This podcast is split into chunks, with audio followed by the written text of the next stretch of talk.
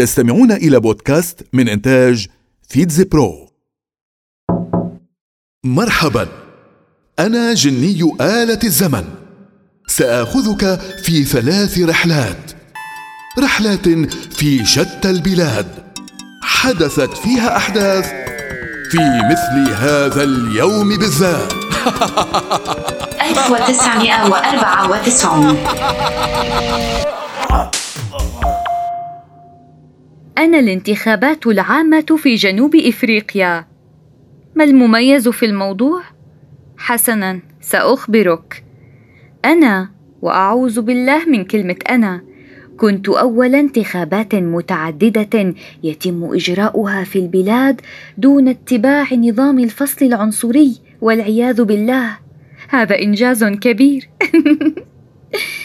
فمنذ عام 1948 يي كانت جنوب إفريقيا تتبع نظاما يدعى الأبارتايد وهو نظام مكن الأقلية البيضاء أن تحكم البلاد.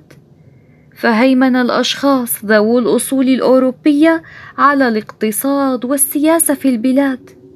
المهم بلا طول سيرة استمريت لمدة ثلاثة أيام.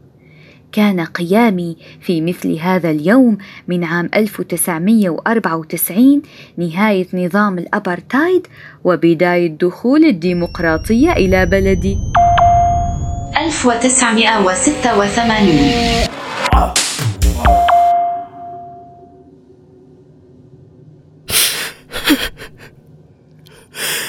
أنا أكبر كارثة نووية. شهدتها البشرية. اسمي كارثة تشيرنوبل. حسنا ما حدث باختصار. هو أنه في المفاعل رقم أربعة في محطة تشيرنوبل للطاقة النووية في أوكرانيا. وبينما كان يتم تجريب الوحدة النووية هناك. فجأة ارتفعت الحرارة بشكل كبير. فاشتعلت الغازات وحصل الانفجار. كنت أنا حصيلة خطأ كارثي. حدث بسبب تراكم الأخطاء البشرية وقلة خبرة المهندسين الشباب في المفاعل.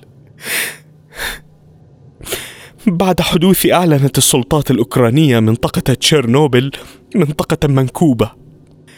كما أجلت أكثر من مئة ألف شخص من الأماكن المحيطة.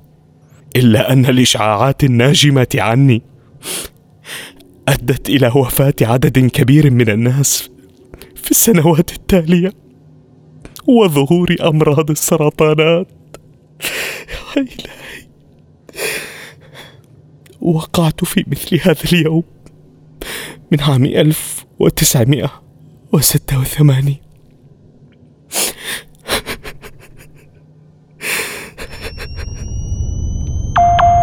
1953 ازيكم اسمي عطيات عبد الفتاح إبراهيم. لكني معروفة بفيفي عبدو وأنا أشهر من نار على العالم. أنا راقصة وممثلة مصرية. دخلت عالم السينما للمرة الأولى عام 1970 ومن بعدها توالت أدواري في التمثيل والرقص.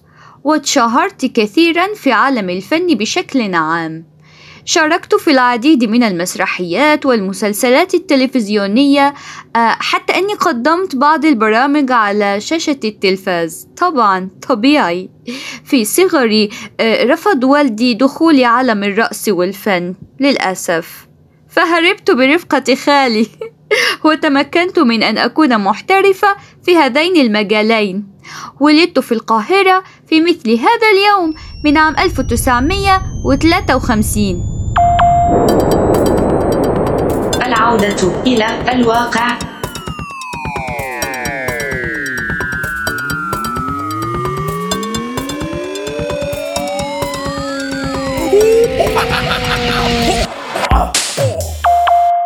استمعتم إلى بودكاست من إنتاج فيتز برو